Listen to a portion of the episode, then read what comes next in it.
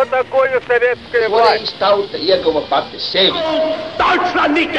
Liktenīgas nejaušības un slēptas likumsakarības, subjektīvas patiesības un objektīvi aizspriedumi. Pēc atkušņa nekad nenāk uzreiz pavasars, bet sākās Arī šodien cilvēki ir ļoti tuvredzīgi. Viņi redz to naudu, kas ir Televīzijā jau pamatā notiek cīņa par varu. Pagātne no šodienas skatu punkta un šodienas caur pagātnes prizmu. Raidījumā šīs dienas acīm. Katru svētdienu Latvijas radio eterā Eduards Liniņš. Labdien, cienījamie klausītāji! Nu jau vien dažas nedēļas mūs šķir no Latvijas Republikas valsts prezidenta vēlēšanu dienas. Šajā sakarā šomēnes pievēršos valsts prezidenta institūcijas vēsturei. Šodien vispirms par otro Latvijas Republikas valsts prezidentu Gustavu Zemgalu. Viņš, toreizējās Demokrātiskā centra partijas pārstāvis, tika ievēlēts Latvijas vēsturē vienīgajās ārkārtas prezidenta vēlēšanās 1927. gada 8. aprīlī, pēc tam, kad iepriekšējais prezidents Jānis Čakste bija devies mūžībā. Sarunā par Gustavu Zemgalu piedalās vēsturnieki, profesors Ilgvars Butulis un Latvijas Nacionālā vēstures muzeja direktora vietnieks zinātniskajā darbā Toms Čikuts. Gustavs Zemgals iegūst izglītību Rīgā, divās Rīgas krievu gimnājās, Nikolai un Aleksandra gimnājā. Pēc tam studiju ceļš, Maskava, jurisprudences studijas, mājas skolotāja darbs, piestrādājot, un arī tālāk būtu vēl minams, protams, ka Zemgals ir jaunstrāvnieks, turpat ir vesela virkne nākamo korifeju. Tur ir Jansons Brauns, tur ir Pauls Dauge, Pauls Kalniņš.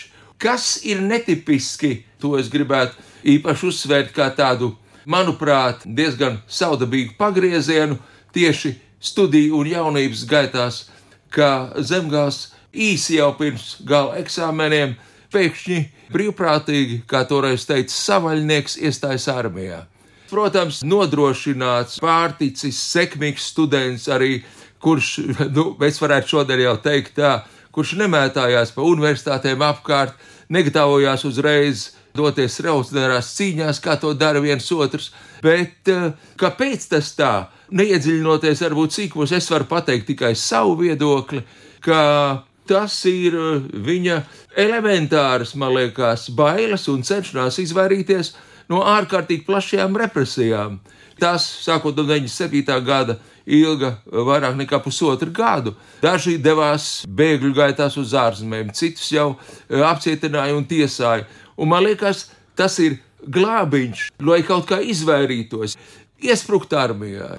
Un pēc gada jau viņš iegūst rezerves praporšķika pakāpi, un tad šis ceļš ir tālāks. Nu, tas ir tik tālu, ja mēs runājam par šo izglītības ceļu līdz tam laikam, kad sāk zemgāls darboties jau atkal Rīgā. Es gribētu to teikt. Tā zemgālā, faktiski arī viņa paudzes drusku atšķirība vēl ir tā, ka ir jau gatava alternatīvā izvēle, teiksim tā. Tas ir brīdis, kad šie 870. gada sākumā, 71. un 72. gadā dzimušie stājās universitātēs. Faktiski jaunā strāva jau ir kaut kur noformējusies. Un uh, Zemgals ar brāļa lielā mērā Roberts Zemgala, kas Rīgā jau gana turīgs tirgotājs, viņam ir vairāk veikali, Sarkandaugavā, Pārdaugavā, vēlāk Tērbacielā. Viņš jau tiek tā kā drusku, acīm redzot, ievirzīts jaunstrāvnieciski orientētajās aprindās un biedrībās, un uh, brālis tajās gan aktīvi darbojas. Roberts ir aktīvs Jonatānā pārdaugavā jau iepriekš pirms. Tā kā, tas ir tas laikmets, kurā jau latviešu sabiedriskā dzīve diezgan izvērsta. Nu, ja teiksim, čaksti ievada Maskavā vēl Krišāns Valdemārs ir dzīvs, un tad parasti tiek teikts, nu tas ir tā viņa ideiskais aizgādnis krustēvs. Tas jau ir drusku cits laikmets. Pie apvēršņa jau ir, kā saka, ļoti redzami stučka rainis, tātad šī vecākā, kas tomēr ir 5-6 gadus vecāka pa zemgalu šī paudze. Un, tas ir uh, jau tāds brīdis, kurā šī izvēle 90. gados sākot studēt, nu, jau ir jāizdara. Jo Maskavas studentu pulciņš tajā brīdī sašķēlies divās daļās, jau kad Zemgals sāk studijas. Viena ir konservatīvāk orientētā, un otra šis jaunstrāvnieciskais pulciņš, kuram Zemgals arī pievienojas. Vai var teikt, ka Gustavs Zemgals nu, faktiski visā savu mūža gaitā ir centies iet tādu zelta vidusceļu starp kreisumu un labējumu? Protams, demokrātiski noskaņots, un jebkurš demokrātiski noskaņots cilvēks cariskajā Krievijā ir potenciāli revolucionārs un iespējams pat katordznieks. Es uz to atbildētu pavisam vienkārši. Man vismaz tā šķiet, ka zemgāls, lietojot šo terminu kreisi, ja skatīties no šī sociāldemokrātijas, karojošās, īstās sociāldemokrātiskās, tad zemgāls nav īsti kreiss. Ja skatīties no, teiksim, pilsonības viedokļa, tad zemgals, jā, tā ir kreisi, noskaņotā pilsonība, jeb radikālā, jeb kā viņa nu tiek dēvēta. Tātad kaut kur varbūt tas tā ir pareizi, jo nenoliedzami, un sevišķi, piemēram, kad zemgals jau vēlāk rediģēja laikrakstus 5. gada revolūcijas laikā, un jau jūt, es tā pašķirstīšos mūsu laikus un jauno dienas lapu, tur ir gana arī tīri marksistisku materiālu. Un Zemgals, es domāju, viņš lieliski zina, viņš ir to pulciņos lasījis un studējis, kas tas ir. Bet, ka tā būtu viņa tā sirds lieta, protams, nē. Tur varbūt vēl tāds atslēgas vārds ir viņa partijas nosaukums 17. gadā - radikāli demokrātiskā. Nu, tātad tur jau kaut kādas simpātijas ir ieliktas šajā saliktenī. Radikāli demokrātiskā un vēlāk interesanti tāds formulējums ir kad dibina Latvijas darba partija jau pirms satversmes sapulces vēlēšanām, bet nu, arī faktiski tas pats radikāli demokrāta kodols. Un tad viņi saka, ka viņa esot pilsoniska strādniecības partija. Tas ir, protams, tāds drusku juceklīgs salikums, bet viņu tās simpātijas vai to ideju varbūt reprezentē. Un tur arī Gustavs Zemgals, es domāju, visu to darbību ir ļoti klātesošs šajā formulējumā. Un, protams, arī tas organizācijas salikums, kurā viņš darbojas, Tas ir tāds viss uz robežas. Es domāju, gan tas pats Jonatāns, gan amatnieku palīdzības biedrība. Teiksim, tie biedri, kas tur darbojas, tas pats Jonatāns. Nu, tur ir Vils Darmanis, kas ir skolotājs tajā brīdī, kad Zemgals vada šo Jonatānu biedrību. Nu, tur skaidra vai ne, ir šī komunistiskā, sociāldemokrātiskā simpātija vēlāk. Faktiski jau piektā gada revolūcija ir tas moments, kad viss latviešu politiskais spektrs ārkārtīgi aktivizējas, visi ir par kaut kādām pārmaiņām. Zemgalam atkal te ir tāda likteņa nobīde, varbūt no tās normas. Viņu iesauc kā rezerves virsnieku Krievu-Japāņu karā. Lieta ir tāda, ka kaut iesaukts un mobilizēts armijā, Gustavs Zemgāls tālos austrumus nav redzējis vispār savām acīm. Viņš Dienrīgā, Malo Jaroslavļas pulkā 116. un viņš ir pulka tiesas darbvedis un drēvnieku darbnīcas pārzinis. Bet 5. gada notikumos viņš nepiedalās. 5. gada beigās jau situācija kļūst citāda, kad viņš kļūst jaunās dienas labs redaktors, kas ir tajā laikā sakarā šīm represijām par dažādām avīzēm, un pēc tam mūsu laiki, tūlīt nākamā gadā, kas sāk izdāgt. Tātad viņa revolucionārisms ir tur, un viņa ieguldījums, ka patiesi atspoguļot reālo situāciju, teiksim, represijas un visu sarežģīto laiku. Viņš tā tad ir iesaukts arī Pirmā pasaules kara laikā, bet arī frontē Pirmā pasaules kara laikā viņš nav. Viņa vienība ir dislocēta Somijā, pēc tam Kronštatē, un no turienes tad pēc 1917. gada februāra revolūcijas Zemgals no armijas atvaļinās, nu, un tad viņš iesaistās Latvijas valsts pamatu likšanā. Faktiski jau tā demobilizēšanās oficiāli notiek 18. gada sākumā, jo pēc tam, kad septembrī Rīga ieņem vācieši, viņš atkal pievienojas atpakaļ armijas vienībai savai. Bet 17. gadā, 23. aprīlī, ir nodibināta sabiedriska organizācija padome, ko veido pilsoniskie, tad ir šī strādnieku zaudāta padome, ko tā tad veido kreisie, nu, un Rīgā izveidot tā sauktā pagaidu dome, šīs vecās ar tiem visiem mantas cenziem aizķēdēto vēlēšanu ievēlētās domas vietā. Un 23. aprīlī zemgalam vēl nesot pat Rīgā, viņš tiek ievēlēts par pilsētas galvu. Pirmais latviešu izcelsmes Rīgas pilsētas galva Un viņš tiek izsaukts no armijas, dabūt īpašu atvēli no Krievijas 12. armijas, doties ilgākā atvaļinājumā. 30. aprīlī viņš ir Rīgā un vada pirmo domas sēdi. Tā pašā brīdī, 17. gada pavasarī, kad viņš ir kļuvis par Rīgas pilsētas galvu, arī notiek šis partiju dibināšanas process, un tad ir šī radikāla demokrātiskās partijas dzimšana. Un, uh, Tur Gustavs Zemgals, Alfreds Razums, inženieris Kārlis Kasparsons, arī viens jaunstraunieks diezgan redzams, Dāvids Rudzīts, vēlākais valsts kancelēs direktors. 18. gadā tikai janvārī demobilizēts, un mazliet epizodiski ir zināms, ka piedalījies arī pagaidu Nacionālās padomas darbā, bet sīkāka ziņa mums par to nav. Nu, un pēc tam, kad uh, vācieši ieņem visu Baltiju, tad uh, Zemgals atgriežas Rīgā. Aprīlī jau vada kārtējo amatnieku palīdzības biedrības krājasdevas kases sapulces tepat Vācu okupētā Rīgā, un cik var spriest pēc atmiņām laika viedra, tad ir arī bijis viens no tiem, kas ir demokrātiskā blokā Rīgā piedalījies šajās sapulcēs. Manā uztverē Zemgals kā personība un kā sabiedrisks darbinieks, viņš varbūt ir vienīgais no šiem pirmskara Latvijas prezidentiem, kurš ir rīznieks pēc tās savas konstitūcijas, ne pēc dzimšanas, bet viņš ir faktiski vienīgais, kurš manā izpratnē ceļ Rīgu. Viņš ir ar to kompāniju kopā ļoti solīdo, kur ir arhitekts Alksnis, kur ir augusts Deglaus. Tātad tie tie vīri, kas patiešām ceļ mājas, veido ielas, aiz viņiem paliek žurnāli un laikraksti, daži no tiem patiešām izcili. Aiz viņiem paliek teātri, ja tā ir tā Rīga, tā fantastiskā, kas veidojas nu kādā pusotrā gada desmitā, 20. gadsimta sākumā, un zemgāls tur nu, ir visai redzama figūra. Faktiski zemgāls ir tas, kurš caur amatnieku kasi sponsorē sava tuva līdzstrādnieka avīzēs ērmaņa pīpiņa vizuļa. Celto nāmu. Nams ir arī sveiks un vesels šodien, ģertrūdas ielā 69, 71. Un tur, kad uzceļ šo namu, tas jau ir pirms Pirmā pasaules kara, tur faktiski uzreiz dzīvo viena kārtīga riekšava latviešu rakstnieku, ieskaitot Andreju Upīti, ieskaitot Jaunsudrabiņu, kādu laiku skalbi, kas tik tur nedzīvo, tā ir īstā bohēma. Upīts nodzīvo visus 20. un 30. gadus tajā.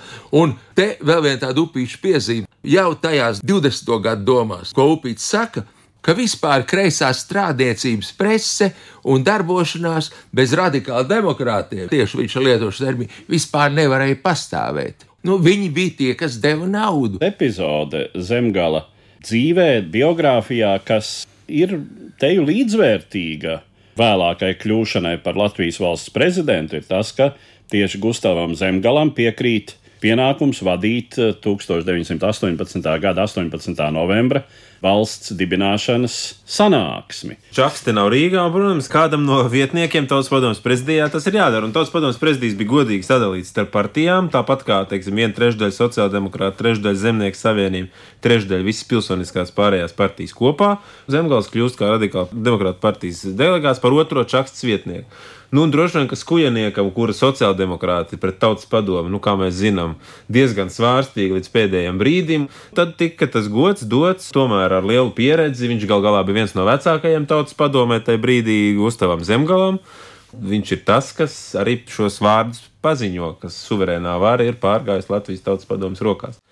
Un otra epizode tautas padomē, es gribētu teikt, ir šī 12. maija 19. gadā, jau neatkarības kara laikā Liepājā, nu, kur arī viņš ir Vādā tur, protams, ir arī viņa liels nopelns šajā tautas padomus vēsturē, ka viņš tur ir, ka viņš spēj sapulcēt šos tautas padomus locekļus pārējo prezidiju un, teiksim, skaidri formulēt šo attieksmi pret to, kas ir noticis 16. aprīlī ar šo vācu militāristu puču un ka tautas padomu pastāv, Latvijas valsts pastāv. Cik jūs, prāt, pamatota ir tā klišejiskā frāze, ka Zemgals kļuva par prezidentu teju nejauši? Nu jā, tas ievēlēšanas process ir ilgs, bet tas mēdz būt ilgs Latvijā. Zemgals tajā brīdī, pat kā zināms, nav saimnes deputāts. Viņš vada savu notāru biroju, un viņš pat nav klāt tai ievēlēšanas sēdē. Tā loģika pilnīgi skaidrā ir tā, ka, lai ievēlētu, lai dabūtu šīs balsis, ir nepieciešams kā kreiso, tā pilsonisko, teiksim, vai centrisko partiju atbalsts. Un zemgala iepriekšējā politiskā darbība, reputācija un vispārējais un kontakti ļauj šo atbalstu no abiem šiem flangiem savākt. Tas ir likumsakarīgi un tas parādās visā viņa iepriekšējā darbībā.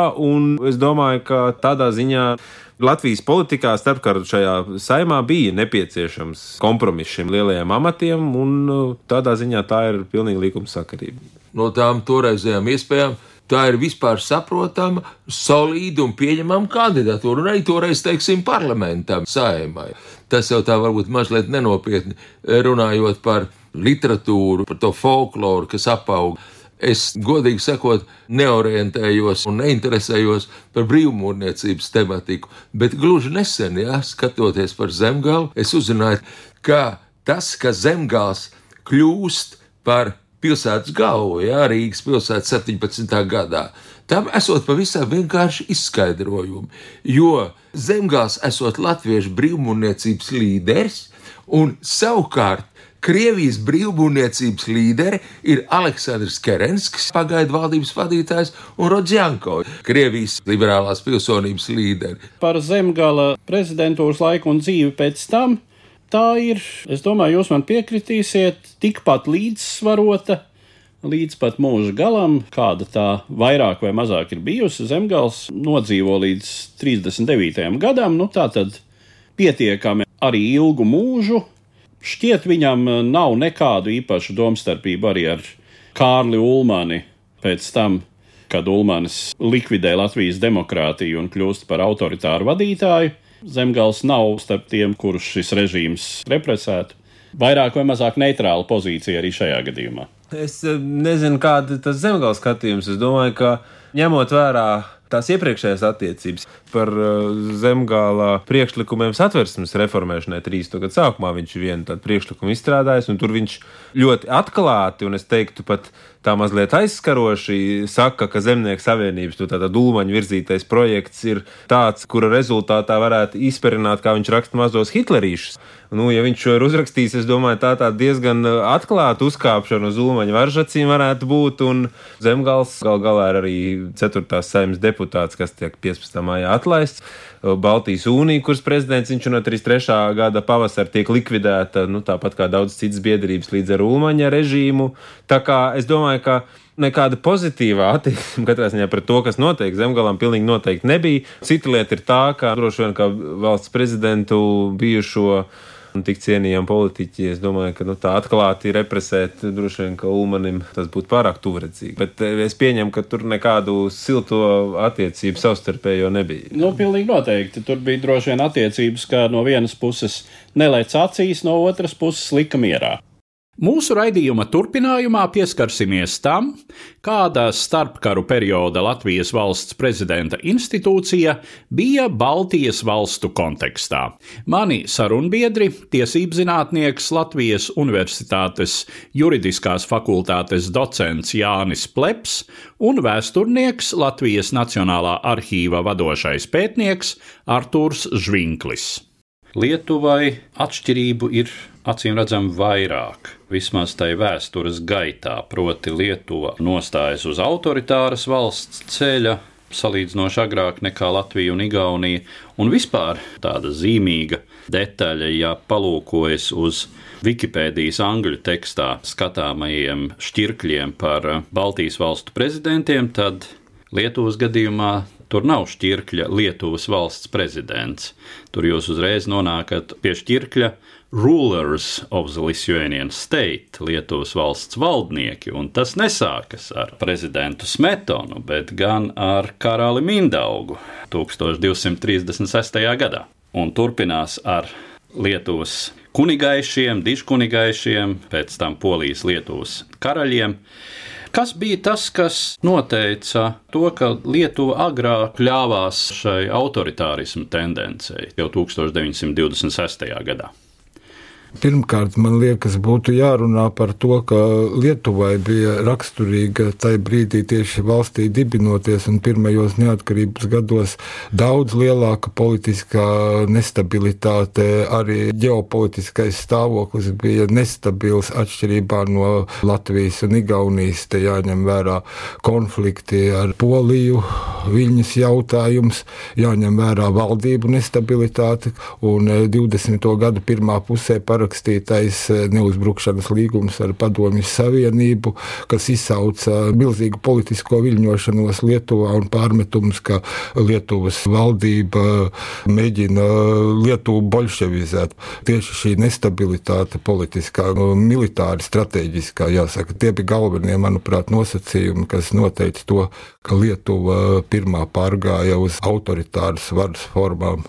Man liekas, mēs šeit runājam par Mindaugu, ar ko mēs lieliski sākām. Tad jāatcerās arī, ka 18. gadā bija Mindaugs otrais. Respektīvi, Lietuva nevis pasludināja uzreiz republiku, bet atjaunoja savu valsti. Un tas pirmais lēmums bija par karaļa ievēlēšanu, kas bija saistīts ar ģeopolitiskajiem apsvērumiem par draudzību ar Vāciju. Un tad viņi ievēlēja vācu princi Fonu Urahu par Lietuvas karali Mindaugu II. Un tas prezidents tikai pēc tam nāca. Runājot par šīm prezidentūras institūcijām, es domāju, ka jūs man piekritīsiet, visās trīs valstīs ir zināma tendence vairīties no viena cilvēka rokās koncentrētas lielas varas. Tiešām jāsaka, ka tā bija izvairīšanās visās trīs Baltijas valstīs no stipra prezidenta.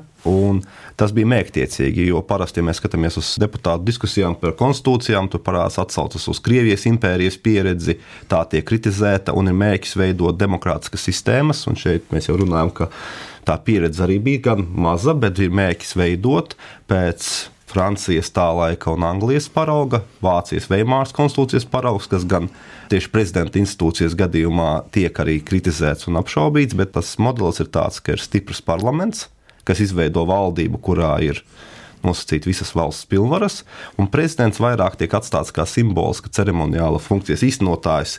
Un Latvija un Igaunija mazliet arī mēģina atrast risinājumus, kā atteikties no valsts prezidenta. Jo, ja atceramies Latvijas pieredzi līdz satversmei, mums jau nebija prezidenta amats.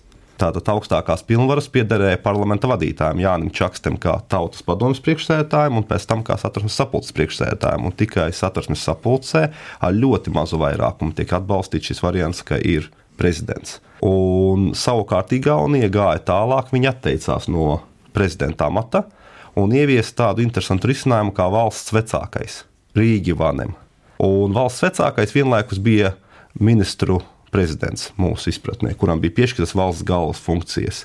Un tas modelis Igaunijā bija diezgan vājš, jāteic, jo Igaunijā bija ļoti daudz tāpat kā Latvijā valdību krīzes.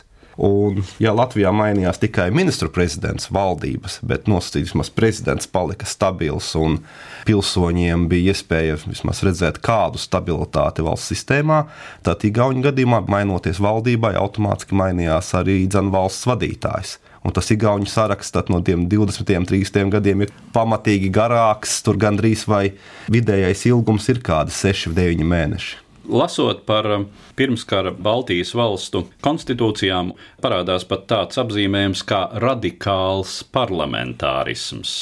Tā kā zināmā mērā, ja mēs ievērojam, ka satversme joprojām ir spēkā tāda, kāda tā ir, var teikt, ka mums ir šāda sistēma. Satversmes teksts nav mainījies, bet diezgan daudz būtiski ir mainījies tas lasījums. Un šobrīd šī sistēma funkcionē līdzīgi kā 20. un 30. gados, bet ar savām atšķirībām. Viena lieta ir tā, ka praksē ir pieaudzis kopš valsts prezidenta institūcijas darbības atsākšanas valsts prezidenta ietekme uz aktīvo politiku. Teiksim, ja mēs salīdzinātu pirmskara prezidentu paveikto vai tos darbus ar mūsdienu prezidentiem, tur būtu atšķirības. Un otra lieta, kas ir notikusi un kas ir kvalitīvi uzlabojusi sistēmas funkcionēšanu, ir tās mazās korekcijas vēlēšanu likumos, kas neļauj sadrumstalot parlamenta sastāvu. Jo tā bija tā galvenā problēma 20. un 30. gados gan Igaunijā, gan Latvijā, kad bija šie viena, divu cilvēku frakcijas, ar kurām ar katru vajadzēja runāt, lai izveidotu valdību, un šīs valdības bija ļoti nestabilas. Cik lielā mērā mēs varam teikt, ka šis radikālais parlamentārisms kombinācijā ar attiecīgi nepilnīgiem vai īpatnējiem vēlēšanu likumiem arī noteica to, ka šīs sistēmas galu galā noved visas trīs valstis pie autoritāriem režīmiem, pie kam Latvijā un Igaunijā tas notiek 1934. gadā teju sinhroni. Es kaut kā negribētu šeit vainot prezidenta institūciju, nu, kaut vai Latvijas gadījumā, kā kādu īpaši bezdarbīgu. Galvenais bija politiskā sadrumstalotība. Manuprāt, vēl būtiskākā tā bija smagā pasaules ekonomiskā krīze kas pārauga politiskā krīzē. Visas austrumu Eiropas parādība tā uzreiz kļuva automātiska. Ja mēs ar Lietuvas gadījumu tā kā īpatnēji atdalām, tad faktiski uz 30. gadu sākumu no visām šīm demokrātijām maz kas palika pāri. Notika pārēj uz autoritāriem režīmiem. Mēs varam runāt par izņēmumu par Čehoslovākiju. Ja nu mēs tagad pievēršamies atjaunoto neatkarīgo Baltijas valstu prezidenta institūcijas pieredzei par uh, sistēmas atšķirībām. Lietuvā prezidentu vēl visa tauta. Kā tas nākas, ka Lietuvā šī izvēle ir bijusi tāda, nu tā tad veidojot Lietuvas konstitūciju pēc neatkarības atjaunošanas, un uh, Latvija un Igaunija ir palikušas tomēr pie parlamenta vēlēta prezidenta modeļa. Par Latviju es parunāšu mazliet. Atjaunojot Latvijas valstisko neatkarību, respektīvi atsākot darbu saimai, It kā no vienas puses, un cik es atceros, arī bija politiskie spēki, kas to vēlējās darīt, bija it kā jāatsāk no tā brīža, kur bija palikusi ceturtā saima. Ceturtā saima bija apstājusies pie satversmes reformas projekta izskatīšanas, kuru 33. gadā bija iesniegusi Zemnieku savienība. Ļoti plašs reformu projekts tas bija, kura galvenais princips bija pārēj no parlamentārās uz prezidentālo republiku. Līdz 1934. gada 15. maija apvērsumam Latvijas saima bija tikusi līdz otrajam lasījumam. Pārēja no parlamentārās uz prezidentālo republiku bija noraidīta, bet Otrajā lasījumā bija pieņemts, ka Latvijā prezidenta institūcija būs tautas vēlēta. Bija šis priekšlikums patiešām, sanākot piektajai saimai, turpināt satversmes grozījumus un turpināt ar trešo lasījumu. Un formāli tas bija iespējams, jo ir parlamentu kontinuitāte un lietas, ko viens parlaments nav pabeidzis, otrs var pārņemt. Vienīgi droši vien jāņem vērā tas apstākļus, ka tas starplaiks starp 4. sājumas veikto otro lasījumu un 5. sājumas sanākšanu neplānot bija izvilcies vairāk desmitgažu garumā. Un man šķiet, ka Latvijas politikai jau bija izaicinājums atjaunot veco konstitūciju. Ir vēl viens moments, kas arī mums velkas līdzi, vēl aizvien, ko Latvijas parlaments tā līdz šim nav atrisinājis. Tas ir jautājums par izvērtējumu Latvijas valstiskumam no 1934. gada 15. maija līdz 1940. gada 17. jūnijam, šo Ulmaņa autoritārās varas periodu. Diemžēl tiesiska izvērtējuma tam nav bijis līdz pat šai dienai, jo galu galā, ja ņem 15. maija politisko sistēmu, tad arī padomju varas izveidošana Latvijā notika atbilstoši šai sistēmai formāli. Man šķiet, ka šeit patiešām tas varētu būt jautājums par to novērtējumu. Jautājums droši vien jāsadala divās lielās daļās. Viena daļa ir par starptautisko situāciju, kā mēs kā valsts tikām starptautiski atzīti. Ulmans tika atzīts kā likumīgs Latvijas valsts galva starptautiski, un Ulmaņa rīcība bija saistoša Latvijas republikai. Gan bāzu līgums, kur man šķiet Mikls Valters ļoti labi atmiņās raksturo to situāciju ar bāzu līgumu, bet vēl jau vairāk piekrišana PSRS ultimātam. Tā vairs nebija brīva griba, tas bija ar draudiem, ar spiedienu panākts lēmums, un no tā brīža Ulmanis vairs nerīkojās kā Latvijas valsts galva. Es te gribētu tomēr iebilst. Izteikti draudi, protams, viņi bija, tos nevar noliegt, bet 39. gada 5. oktobra līgums tika formāli, juridiski korekti parakstīts. Draudi paliek aiz kadra. Mums nav neviena oficiāla Latvijas valsts paziņojuma šai sakarībā arī par 40. gada 16. jūnija notu nav nekādu protestu, nav nekādu oficiālu paziņojumu. Diemžēl šis moments ir ļoti svarīgs. Runājot par 16. jūniju, par ultimātu par inkorporāciju, Latvijas sūtņi gan Bilmanis, gan Zariņš šos protestus izteica un turpināja pārstāvēt Latvijas valsti. Jā, Latvijas gadījumā bija specifiski, ka Kārlis Ulmanis nevis līdzīgi kā piemēram, Smetona, kurš aizbēga uz rietumiem un nesadarbojās, vai līdzīgi kā daži karaļi, kas bija Vācu okupācijā, tikuši, kuri atklāti paziņoja, ka valsts tiek okupēta. Kārls Ulmanis sadarbojās un lielā mērā nodrošināja zināmu tiesisko piesegu, bet tā cilvēciskā puse, kas droši vien patiešām ir vairāk sabiedrības diskusiju vēsturnieku, tiesību vēsturnieku jautājums, salikt pa plauktiņiem un mēģināt tikt galā ar to visu. Kaut vai tas, ka joprojām ļoti daudzos, un tā skaitā oficiālos resursos, Kārlis Ulmanis tiek likts Latvijas prezidentu galerijā. Un tas, manuprāt, liecina par šo principiālu izvērtējumu trūkumu. Līdz ar to mūsu šodienas raidījums izskan.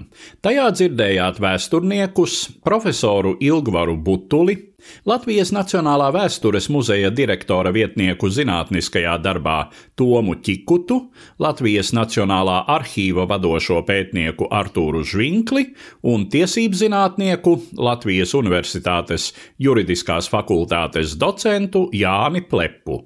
Uzredzēšanos cienījamie klausītāji! Katru svētdienu Latvijas radio viens par pagātni sarunājas Eduards Līniju.